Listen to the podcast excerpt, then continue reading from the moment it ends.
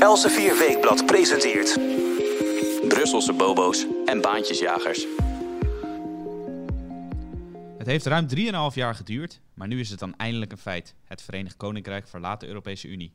Met een euforische toespraak zei Nigel Farage van de Brexit Party het Europees Parlement vaarwel. Zijn Britse collega's zwaaiden met de Union Jack en bouwden een feestje. We bespreken het afscheid van de Britten met onze correspondent in Brussel, Jelte Wiersma. Hij analyseert ook wat er gebeurt met de machtsverhoudingen tussen de 27 overblijvende lidstaten. En we hebben het over zijn interview met de Britse econoom Bernard Connolly. De EU is een soort religie, zegt hij. Welkom bij een nieuwe aflevering van Brusselse Bobo's en Baantjesjagers. Mijn naam is Matthijs van Schie. Goed dat u luistert naar een nieuwe podcast van Els 4 Weekblad. Jelte, welkom. Hallo. Woensdag heeft het Europees Parlement uh, voor de Brexit gestemd en de Europese Raad heeft het op donderdag goedgekeurd. Jij hebt de stemmingen gevolgd. Hoe was dat? Nou, het was een zeer bijzondere bijeenkomst uiteraard, um, omdat dit nog nooit eerder is voorgekomen. Dat uh, het Europees Parlement stemde over het vertrek van een land uit de Europese Unie. Uh, het was emotioneel voor sommigen, onder meer uitvoerend vicepresident Frans Timmermans, de Nederlandse eurocommissaris PvdA die zei dat het Verenigd Koninkrijk uh, uh, niet meer rationeel handelde en min of meer zijn hoofd was verloren. Ja. En dat vond hij nogal teleurstellend als land dat voor hem een ratio symboliseert.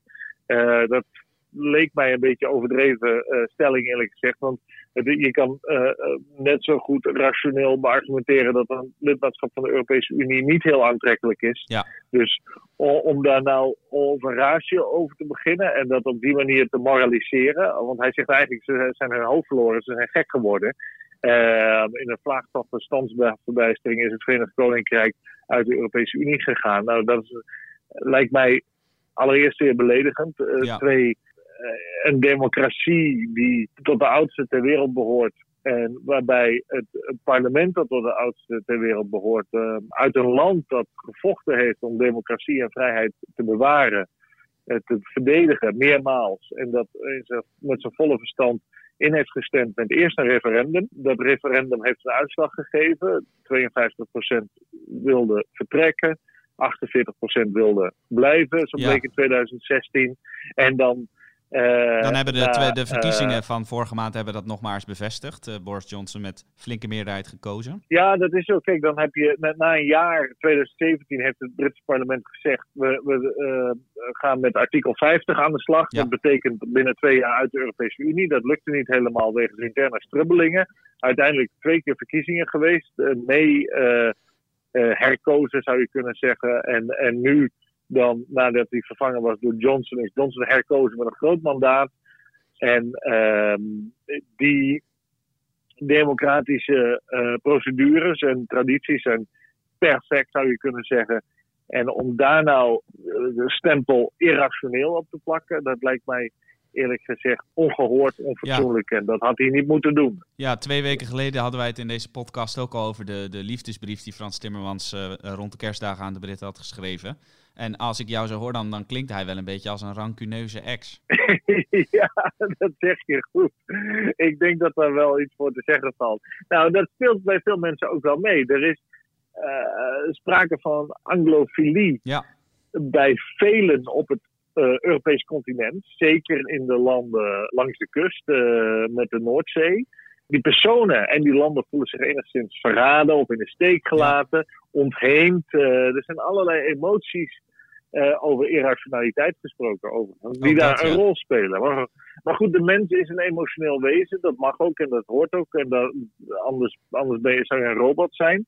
Maar ja, het viel me toch wel op dat woensdag in het Europees Parlement er veel emoties uh, ja, waren. Waar merkte je uh, dat allemaal aan? Schotse, nou, dat is een goede vraag. Er werd een Schotse af, afscheidslied werd er gezongen.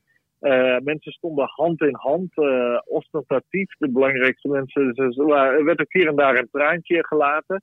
Er waren uh, doedelzakken aanwezig, EU-vlaggen. En er was uiteindelijk een, toch nog een debat van twee uur lang, wat gek was. Want Ja. tevoren was wel, was wel duidelijk dat het Europees Parlement niet zou stemmen om Brexit tegen te houden. Nee. Wat wel te prijzen valt. Hè? Want het Europees Parlement Dat had kunnen zeggen. Ja. Van we, we, we, stemmen niet in. Nou, dat hebben ze gelukkig niet gedaan. Dat is een respectvolle uiting voor de democratie. Er waren toch nog 49 mensen die tegen hebben gestemd. Waaronder de liberaal-democraten uit het Verenigd Koninkrijk. Die ook al in, het, in het Britse debat hebben gezegd: wij stemmen uh, wat de verkiezingsuitslag ook is, wij stemmen altijd tegen, want we willen gewoon erin blijven. Klinkt niet heel democratisch. partij. Nou ja, dat kan, je kan zeggen. Wat, wat mij betreft is dat niet heel democratisch, maar je kan zeggen: wij staan hiervoor, wij stemmen via deze lijn. En nou ja, uh, dan zien we wel of we verliezen of winnen. Nou, ze, ze, ze verloren knetterend, knijterend, want van de 751 stemgerechtigde parlementsleden. Er waren er 621 die stemden voor een vertrek uit de Europese Unie van het Verenigd Koninkrijk. En, uh, Konden ze eigenlijk uh, nog anders op dat moment? Was dat niet puur een formaliteit? Nou, ze hadden, nee, nee, nee, ze hadden de macht om te zeggen van uh, Verenigd Koninkrijk, sorry, we laten jullie niet gaan. Nou, dan was er een enorme ruzie ontstaan, maar dat is dus niet gebeurd. Dus daar hoeven we het verder ook niet in detail nee, nog over te hebben, denk ik. Maar. wat wel aardig ook nog was, is dat de voorzitter van de Europese Commissie, um, Ursula von der Leyen van de CDU uit Duitsland, nog eens uh, uh, duidelijk maakte dat uh, de Europese Unie vrije, totale, ongehinderde vrijhandel met het Verenigd Koninkrijk wil. Dus geen heffingen aan de grens op producten of diensten. Maar dan moet het Verenigd Koninkrijk zich wel aan alle EU-standaarden houden wat betreft productie, consumentveiligheid, eh, milieustandaarden, sociale welzijnstandaarden enzovoort. En ja, uh, dat wordt een uh, enorme discussie, want het Verenigd Koninkrijk wil ook tariefvrije handel met, het, met de EU, maar die ja. willen andere standaarden gaan toepassen, heeft Boris Johnson al gezegd. En ook in het Brexit-scheidingsakkoord staat daar nog niet iets in de, waarbij dat er daar een verplichting voor is voor het Verenigd Koninkrijk. Dus dat wordt nog een enorme discussie. Uh, en uh, die, die zal uh, de deadline daarvoor om zo'n nieuw verdrag, want daar gaat het over, uh, waar von der Leyen het over heeft, te tekenen, die gaat nog zeker tot eind van dit jaar door. Want hoe een toekomstige relatie dus na de nu Brexit uit gaat zien, dat, dat is nog up in the air. Want je moet je voorstellen, ze gaan er dus nu uit. Hè? Het parlement heeft daarvoor gestemd. De Europese Raad van Regeringsleiders, dus de regeringsleiders van de EU, hebben donderdag gezegd van ja, we zijn ook akkoord in een schriftelijke stemming. Dus niet met een EU-top. Ze zijn niet in Brussel samen geweest, maar hebben een papiertje gestuurd naar hun ambassadeur hier in Brussel. En die hebben dat ingeleverd bij de Raad en gezegd ja dat is akkoord. Maar ze zijn er dus uit, maar ze zitten er eigenlijk ook nog in. Om de verwarring groter te maken. Want op 1 februari worden wij wakker allemaal. Zonder het, de, het Verenigd Koninkrijk als lid van de Europese Unie.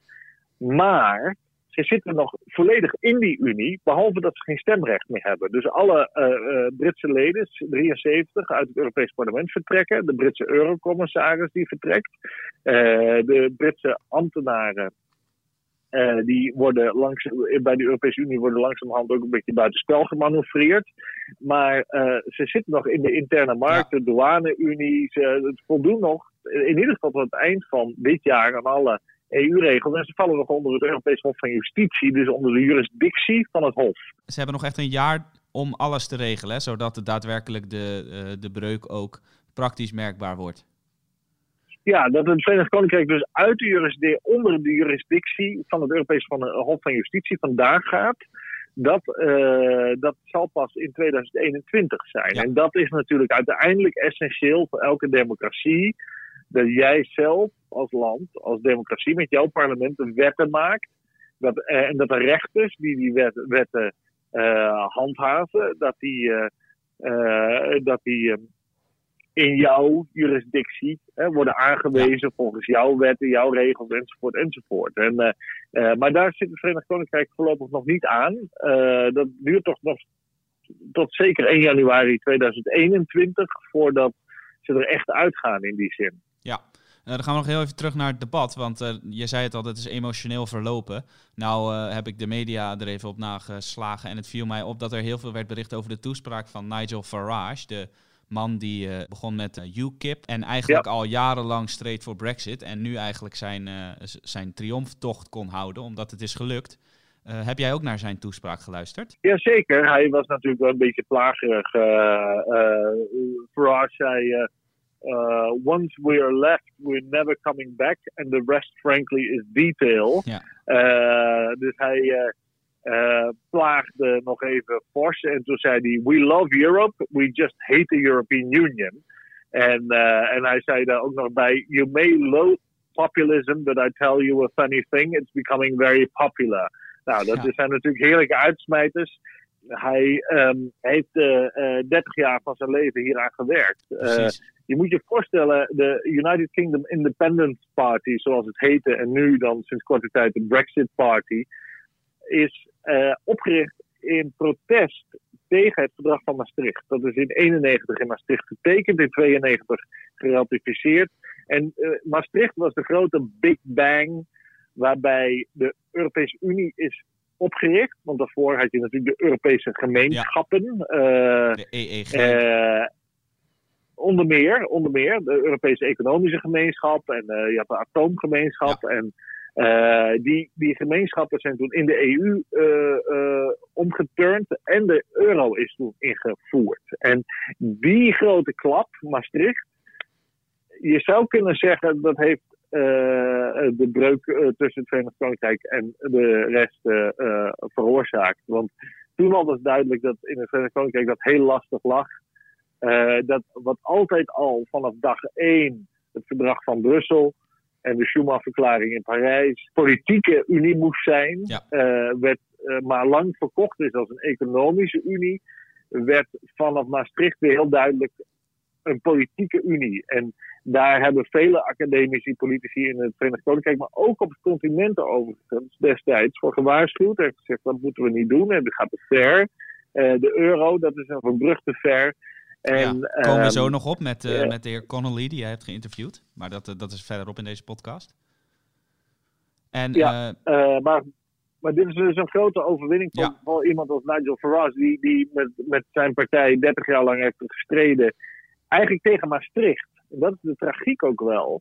Zij strijden niet zozeer tegen Europese samenwerking. Of Nee. op sommige vlakken Europese integratie zelfs. Maar ze, hebben, eh, eh, ze strijden tegen Maastricht. Eh, en ik was een paar jaar geleden nog in Maastricht bij een herdenkingsbijeenkomst voor die eh, eh, 91-top, waar het allemaal plaatsvond. En daar zeiden ze ook ruidelijk: we, we hebben het er wel over in Maastricht, maar we schreeuwen het ook niet meer van de daken dat Nee. dat verdrag hier is getekend. Want we hebben ook wel gezien dat met de eurocrisis en zo het allemaal een beetje oncomfortabel Ja, ja, ja. is geworden. Nou is het natuurlijk wel grappig dat juist de man die misschien wel het meest van alles de, de integratie van de Europese Unie eh belichaamt, Frans Timmermans, nou net uit Maastricht komt. Dat is natuurlijk op zich wel een bijzonder eh, toeval. En eh, is het misschien ook daarom dat Frans Timmermans zich juist extra verzet tegen het vertrek van het Verenigd Koninkrijk? Nog altijd eigenlijk, door ze irrationeel te noemen. Ja, dat speelt een rol. Kijk, ehm Frans Timmermans heeft op een eh, Britse school gezeten. eh, toen hij eh, met zijn ouders als jochie in Rome zat. Zijn ouders werkten daar op de Nederlandse ambassade. En daar heeft hij goede herinneringen aan. Hij heeft daar Shakespeare meegekregen en andere grootheden uit de Britse literatuur. Ja. En, en het is evident dat in Nederland lopen er ook breuklijnen. En zeker Limburg en meer specifiek Zuid-Limburg is eh, een continentaal, me- mentaal een continentaal gebied. Hè? Heel erg aangehaald met Frankrijk, België, Duitsland.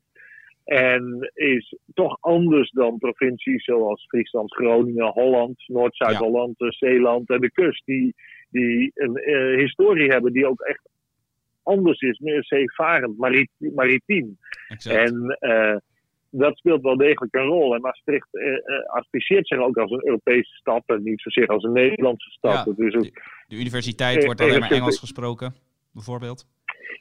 ja, de Universiteit Maastricht, wat vroeger de hogeschool was, als een soort ontwikkelingswerk vanuit eh, eh, het Rijke Westen, werd in Limburg een universiteit gesticht. Dat is eigenlijk geen Nederlandse universiteit. Dat is, eh, daar wordt. dat is een be- een beetje een zijpad, maar als je het curriculum ziet, daar worden Europeanen Ja, opgeleid.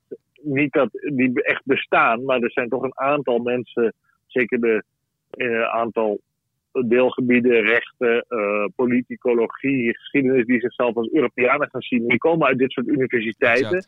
En uh, maar ja, het, het, is een beetje een propaganda-universiteit, moet ik tot mijn spijt zeggen. Uh, want EU-skepsis, eh, e of laten we zeggen op zijn minst grote vraagtekens bij de Europese Unie worden niet gesteld daar. Nee, nou die, die zijn dus wel uh, gesteld in het Verenigd Koninkrijk, om uh, nog even terug te keren naar de Brexit. Er werd ook, het is euforisch gezwaaid met vlaggetjes. Toch zijn er ook in het Verenigd Koninkrijk wel mensen die, die zullen treuren de komende dagen, met name nu het vertrek nog zo vers is.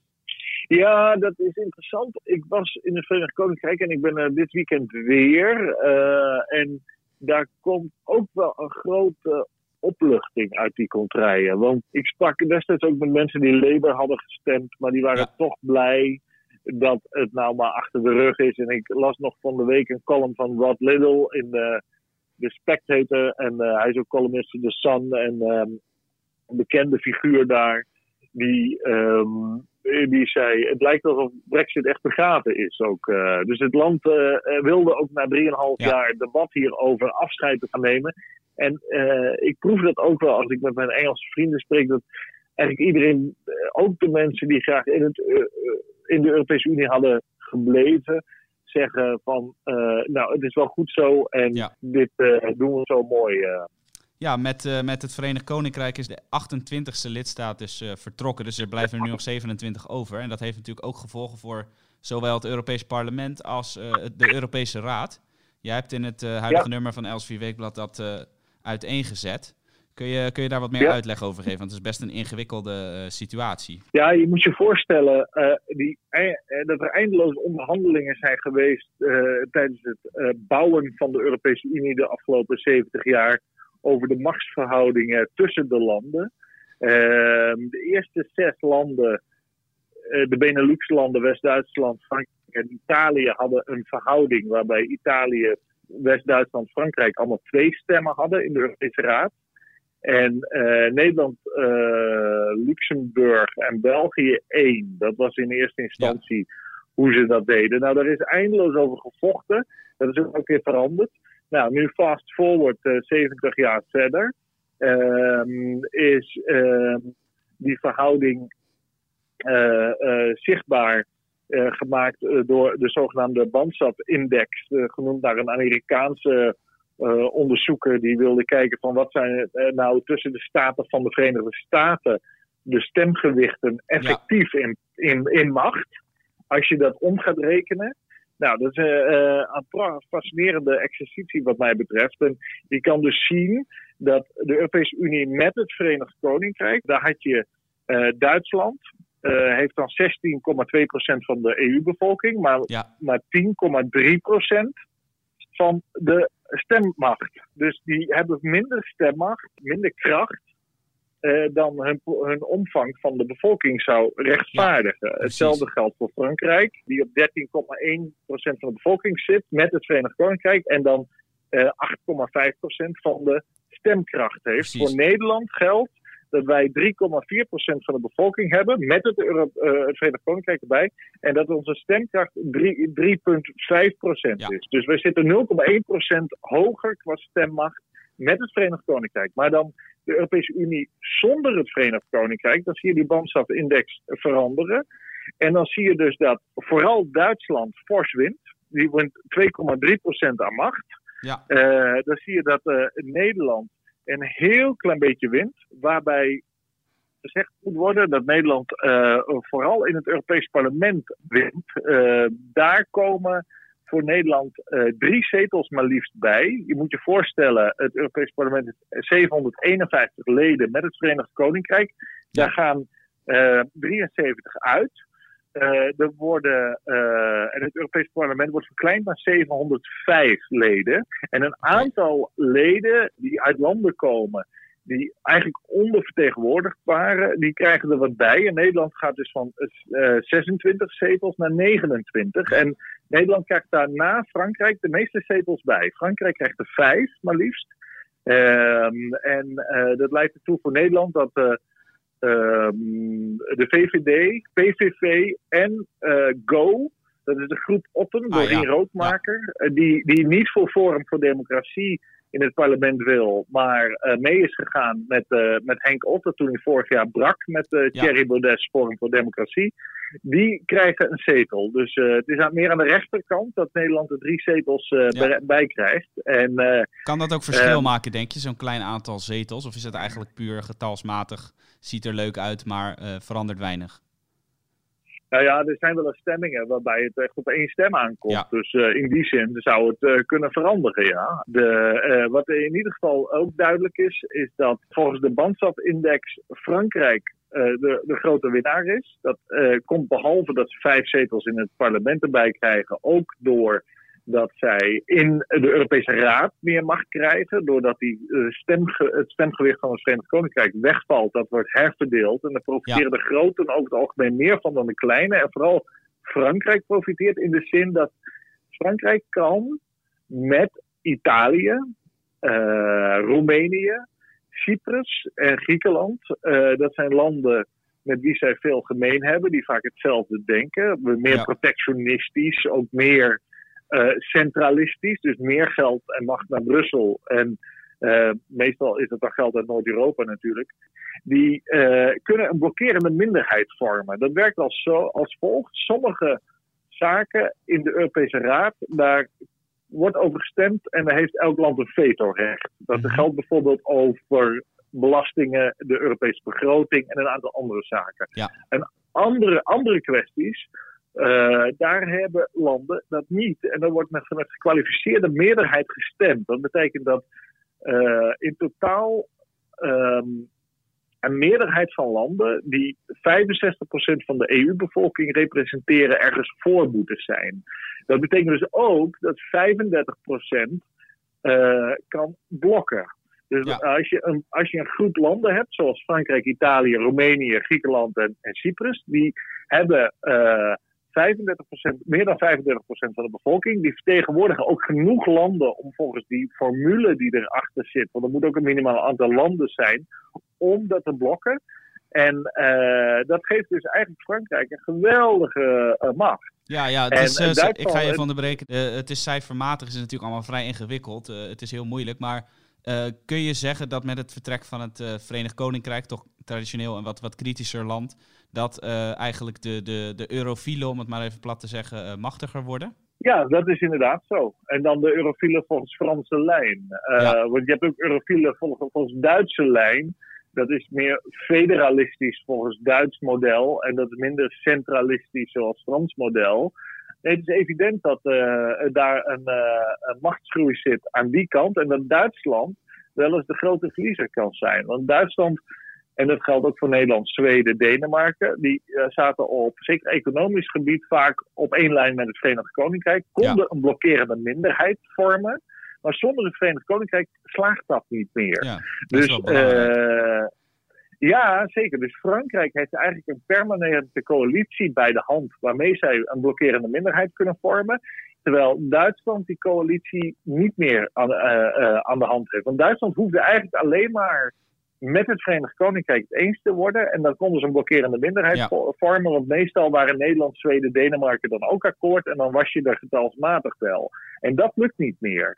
Eh, daar zijn meer landen voor nodig. Nederland bijvoorbeeld lobbyt ook wel in Oost-Europa. Bij Polen en andere landen, de Baltische Staten. eh, om ervoor te zorgen dat die eigenlijk die rol van het Verenigd Koninkrijk qua, qua bevolkingsgewicht en stem, stemgewicht overnemen. Dus, eh, als counter, als balans tegen de door Frankrijk geleide Zuid-Europese eh, groep eh, landen. Dus, maar dan gaan we de komende jaren zien hoe dat in het machtsspel gaat uitwerken. Maar het heeft grote gevolgen. Ja. ja, dat gaan we waarschijnlijk de komende maanden zien in bepaalde besluitvormingen. En bij EU-toppen natuurlijk ook. Dan laten we Brussel even voor wat het is. En dan gaan we nog even terug naar het Verenigd Koninkrijk. Want jij hebt een, eh, een interessante man geïnterviewd, de Britse econoom Bernard Connolly. Hij werkte ooit voor de Ja. Europese Commissie.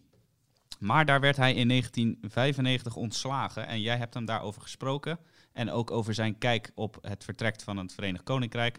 Uh, wat is eigenlijk zijn belangrijkste punt? Zijn belangrijkste punt is uh, tweeledig. Eén, dat de Europese Unie ondemocratisch is en dat het ook zo is opgezet om ondemocratisch te zijn. En twee, dat het een anticapitalistisch, protectionistisch blok is. Ja. dat, dat ervoor zorgt dat de economische groei achterblijft. Dat zijn zijn twee kernpunten. Ja, en daar waarschuwde hij al voor op het moment dat hij voor de Europese Commissie werkte. Maar dat is hem niet in dank afgenomen, hè? Nee, hij is uh, bij de Europese Commissie gaan werken uh, begin jaren 80, toen hij in uh, het Verenigd Koninkrijk weinig economische kansen zag. Margaret Thatcher was toen nog maar net aan de macht gekomen om al het socialistische beleid daar de, nek om te draaien en dat failliete land weer te revitaliseren op een nuchtere, zou ik zeggen, kapitalistische spoor. En uh, hij kon 300% meer verdienen in Brussel dan bij de commissie. En ja. toen is hij daar maar gaan werken. Hij is nooit een euro-gelovig of EU-fiel uh, geweest. En hij werkte als hoofd van de monetaire sectie. En hij zag in de opmaat naar Maastricht hoe uh, er allerlei bizarre argumenten uh, die politiek waren, maar zeker niet economisch, werden naar voren gebracht om tot een eenheidsmunt te komen, die later de euro is gaan heten. Ja. Die, je moet je voorstellen, er zijn in de jaren tachtig en daarvoor al allemaal pogingen gedaan om West-Europese munten aan elkaar te koppelen. En om fluctu fluctuaties uh, te beperken. Nou, hij uh, uh, zag hoe dat de hele tijd misliep in de jaren 80 en begin jaren 90. En hij kwam tot het inzicht dat er geen enkele economische rationale is achter de euro. En um, hij citeert ook bijvoorbeeld een Belgische oud-minister van Financiën. Die, die zei: ja, de euro is, is gewoon bedoeld om het Anglo-Saxische kapitalisme uit Europa te schoppen. Uh, en dat, dat verraadt wel meer over de aard van de Europese Unie, zoals hij die ziet. Uh, hij zegt, die Europese Unie lijkt heel erg op wat het Rijnland-kapitalisme, dat vaak geprezen wordt, uh, in zich heeft. En dat, dat is dat eigenlijk die hele interne markt van de Europese Unie bedoeld is om bestaande industrieën te beschermen uh, bestaande industrieën ook in leven te houden, eventueel ja. met staatssubsidies, en concurrentie van de markt te houden. En meestal zijn dat bestaande industrieën die groot zijn. Ja, de dus boeren bijvoorbeeld in Frankrijk. Uh, nou, onder meer, maar uh, vooral echt grote bedrijven. Die, ik zie dat van dichtbij meemaken, hoe hele grote bedrijven lobbyen en um, uh, EU-regels naar hun hand zetten. Om ja. ervoor te zorgen dat, dat jij, als jij in jouw garage uh, een, met jouw start-up een nieuw product uitvindt, dat het product van, van tevoren al illegaal is. Ja. Dus jij kan wel iets verzinnen in je garage, maar dan is, zijn de regels zo geschreven dat die helemaal van toepassing zijn op dat grote bedrijf dat die regels geschreven heeft. Ja. Uh, want er, vaak zijn het die bedrijven die de pen hanteren. Dat is ongelooflijk. Uh, ik heb het dat hiervan. Mijn mond viel open toen ik dat min of meer. Ik ontdekte dat niet, maar persoonlijk ontdekte. Mm -hmm. uh, hoe dat werkt. Hoe bedrijven meeschrijven aan EU-wetten voor de EU-interne markt. En hoe dat één groot protectionistisch geheel eigenlijk is. En het is ook niet voor niks dat er zo weinig uh, succesvolle start-ups uit Europa ja. zijn. die, die de aandacht weten te trekken. Want um, er zijn heel veel beperkingen helaas. Ja, je, en, hebt, uh, vaak, uh, je hij, hebt vaak gezegd en geschreven in jouw stukken dat um, waar in Europa uh, niets mag, tenzij het staat opgeschreven dat het wel mag, dat het in de Anglo-Saxische wereld precies andersom is, dat alles mag, tenzij staat opgeschreven dat het niet mag. Vat ik correct. het zo goed samen? Ja. Ja, correct. Nou ja, dat is ook zijn punt. En hij um, is uiteindelijk in 95 met de publicatie dus geweest, uh, gekomen van een boek, The Rotten Heart of Europe. Uh, uh, en dat verrotte hart, dat was voor hem die munt. Ja. En toen is hij ontslagen. Uiteindelijk is hij zelfs naar Amerika vertrokken, want hij wilde niet in het Verenigd Koninkrijk leven als een kolonie van de Europese Unie. Maar na Brexit is Bernard Connolly teruggekomen naar het Verenigd Koninkrijk. en hij is erg blij, begreep ik van hem. Uh, dat uh, uh, voor hem een soort bevrijding plaatsvindt, waarbij wat hen betreft democratische vrijheid enerzijds en anderzijds kapitalisme gered wordt. Want ja. zijn kritiek dus op de Europese Unie is een kritiek die socialisten ook vaak gehad hebben. Dus het is belangrijk om te begrijpen ja. dat, het, dat het erg het grote bedrijfsleven bevoordeelt en dat is correct. Dat, je, daar kan je eindeloos over soebatten, maar... Mm -hmm. Uh, effectief is dat wat er gebeurt. En uh, ja. dat is heel erg de Franse en ook Duitse traditie. De Rijnland-traditie, waar Frankrijk en Duitsland samenkomen. Waarbij hè, in Frankrijk heb je grote bedrijven die uh, gerund worden altijd met staatsprotectie. Dat zijn de ja. grote Franse autobedrijven bijvoorbeeld, we kennen ze allemaal. en aan de Duitse kant is het meer een, een conglomeraat van vakbonden. Uh, aandeelhouders, bondslanden die vaak aandeelhouders zijn, banken. Uh, die uh, samen zo'n bedrijf besturen. En het Anglo-Saxische kapitalisme is natuurlijk veel meer het aandeelhouderskapitalisme. Ja. Dat overigens in Nederland is uitgevonden, laten we wel zijn. De beurs in Amsterdam in was de, de eerste. Ja. zo is het, zo is het. Dus Nederland, Nederland zit altijd ergens halverwege dat Rijnland-model en het Anglo-Saxische model. En ja, Bernard Connolly zegt, ja, als je het kapitalisme dat uh, in de westerse wereld op, steeds meer kritiek heeft gekregen, omdat mensen niet meer welvarender door worden. Ja. Hij zegt, dan is, die kritiek is correct, maar het, het is ook heel moeilijk om welvarender te worden, zegt hij, omdat je een bescherming hebt van bestaande industrieën. En dat is economisch qua innovatie helemaal geen verstandige manier om voor te gaan. Dus hij heeft eigenlijk een, socia wat de socialistische partij in Nederland vaak als kritiek heeft gehad Ja. op de Europese Unie. Die, de- die deelt het van harte. En hij deelt die omdat hij dol is observatie. op elkaar. Hij deelt die observatie van de SP omdat hij. eh, hij is dol op het kapitalisme, in tegenstelling tot de SP. Ja, want hij dat is wel een de enige verschil. manier, zeker, dat is de enige manier om welvaart te creëren voor de massa. En, Ja. eh, eh, en dat is natuurlijk waar. Ik bedoel, het kapitalisme heeft, zoals hij ook in het interview zegt, miljoenen, miljarden zelfs letterlijk mensen de afgelopen decennia uit de armoede getrokken. En de armoede is nog nooit zo fantastisch afgenomen als de afgelopen decennia, waarin meer vrijheid, meer kapitalisme, vrije markt de kans heeft gekregen. Dus dat is eh, een geweldige eh, voortgang. Maar juist het blok dat het het slecht heeft gedaan, de Europese Unie en dan eh, zeker de eurozone, die een economische groei heeft die ver achterblijft bij bijvoorbeeld Canada, een ontwikkelde economie, of de Verenigde Staten of Australië. Eh, daar, eh, eh, daar ja, heeft het dus slecht gewerkt. En Ja, je zou ver- eh, verwachten dat die analyse van Connolly, dat die bij de EU ook tot enig inzicht zou leiden dat het misschien verstandig is om eh, een andere pad op te slaan, eh, een andere weg op te slaan. Maar we zien juist dat het Frans-Duitse model door Brexit versterkt wordt. exact. Dus eh, er, er komt meer steun voor grote bedrijven, bijvoorbeeld via die Green Deal. Ja. Dat, dat geld dat gaat veelal in pockets van Veel grote subsidie firma's. is daarmee gemoeid natuurlijk. Massaal, massaal. Ja. En eh, eh, je ziet een bescherming tegen overnames vanuit de Verenigde Staten, vanuit China.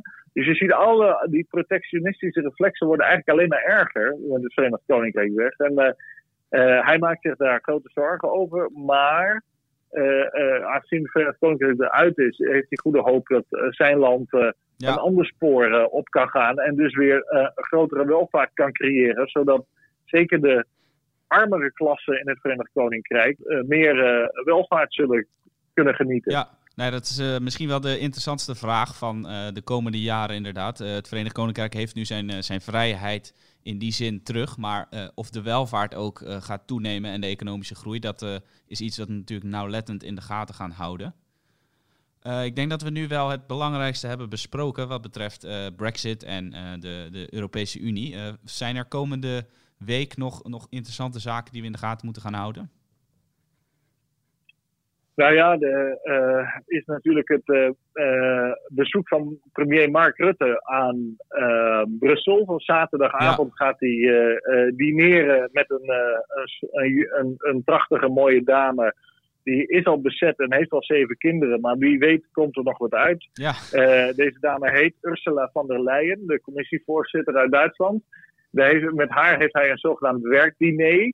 Nou, daar komen een heel aantal prioriteiten dan van de Nederlandse regering, kabinet Rutte 3, naar voren. En dan zal Rutte proberen von der Leyen natuurlijk in de Nederlandse richting te duwen. Die Nederlandse richting is wat hen betreft ja, die Green Deal. Daar staat Rutte 3 erg achter. En ook minder geld naar de Europese begroting. Dat is een grote kwestie. Op, op, 20 februari is daar een EU-top over in Brussel. Die speciaal is uitgeroepen door Charles Michel, de voorzitter van de Europese Raad uit België. En uh, daar zullen ze het ongetwijfeld over hebben. Uh, en, uh, en immigratie. dat is een tweede of een derde grote punt. Dus, maar we gaan zien. er wordt eindeloos gedineerd hier in Brussel. De champagne vloeit nog altijd. En uh, dat zal het ook nog wel blijven doen. Brexit of niet, immigratie of niet.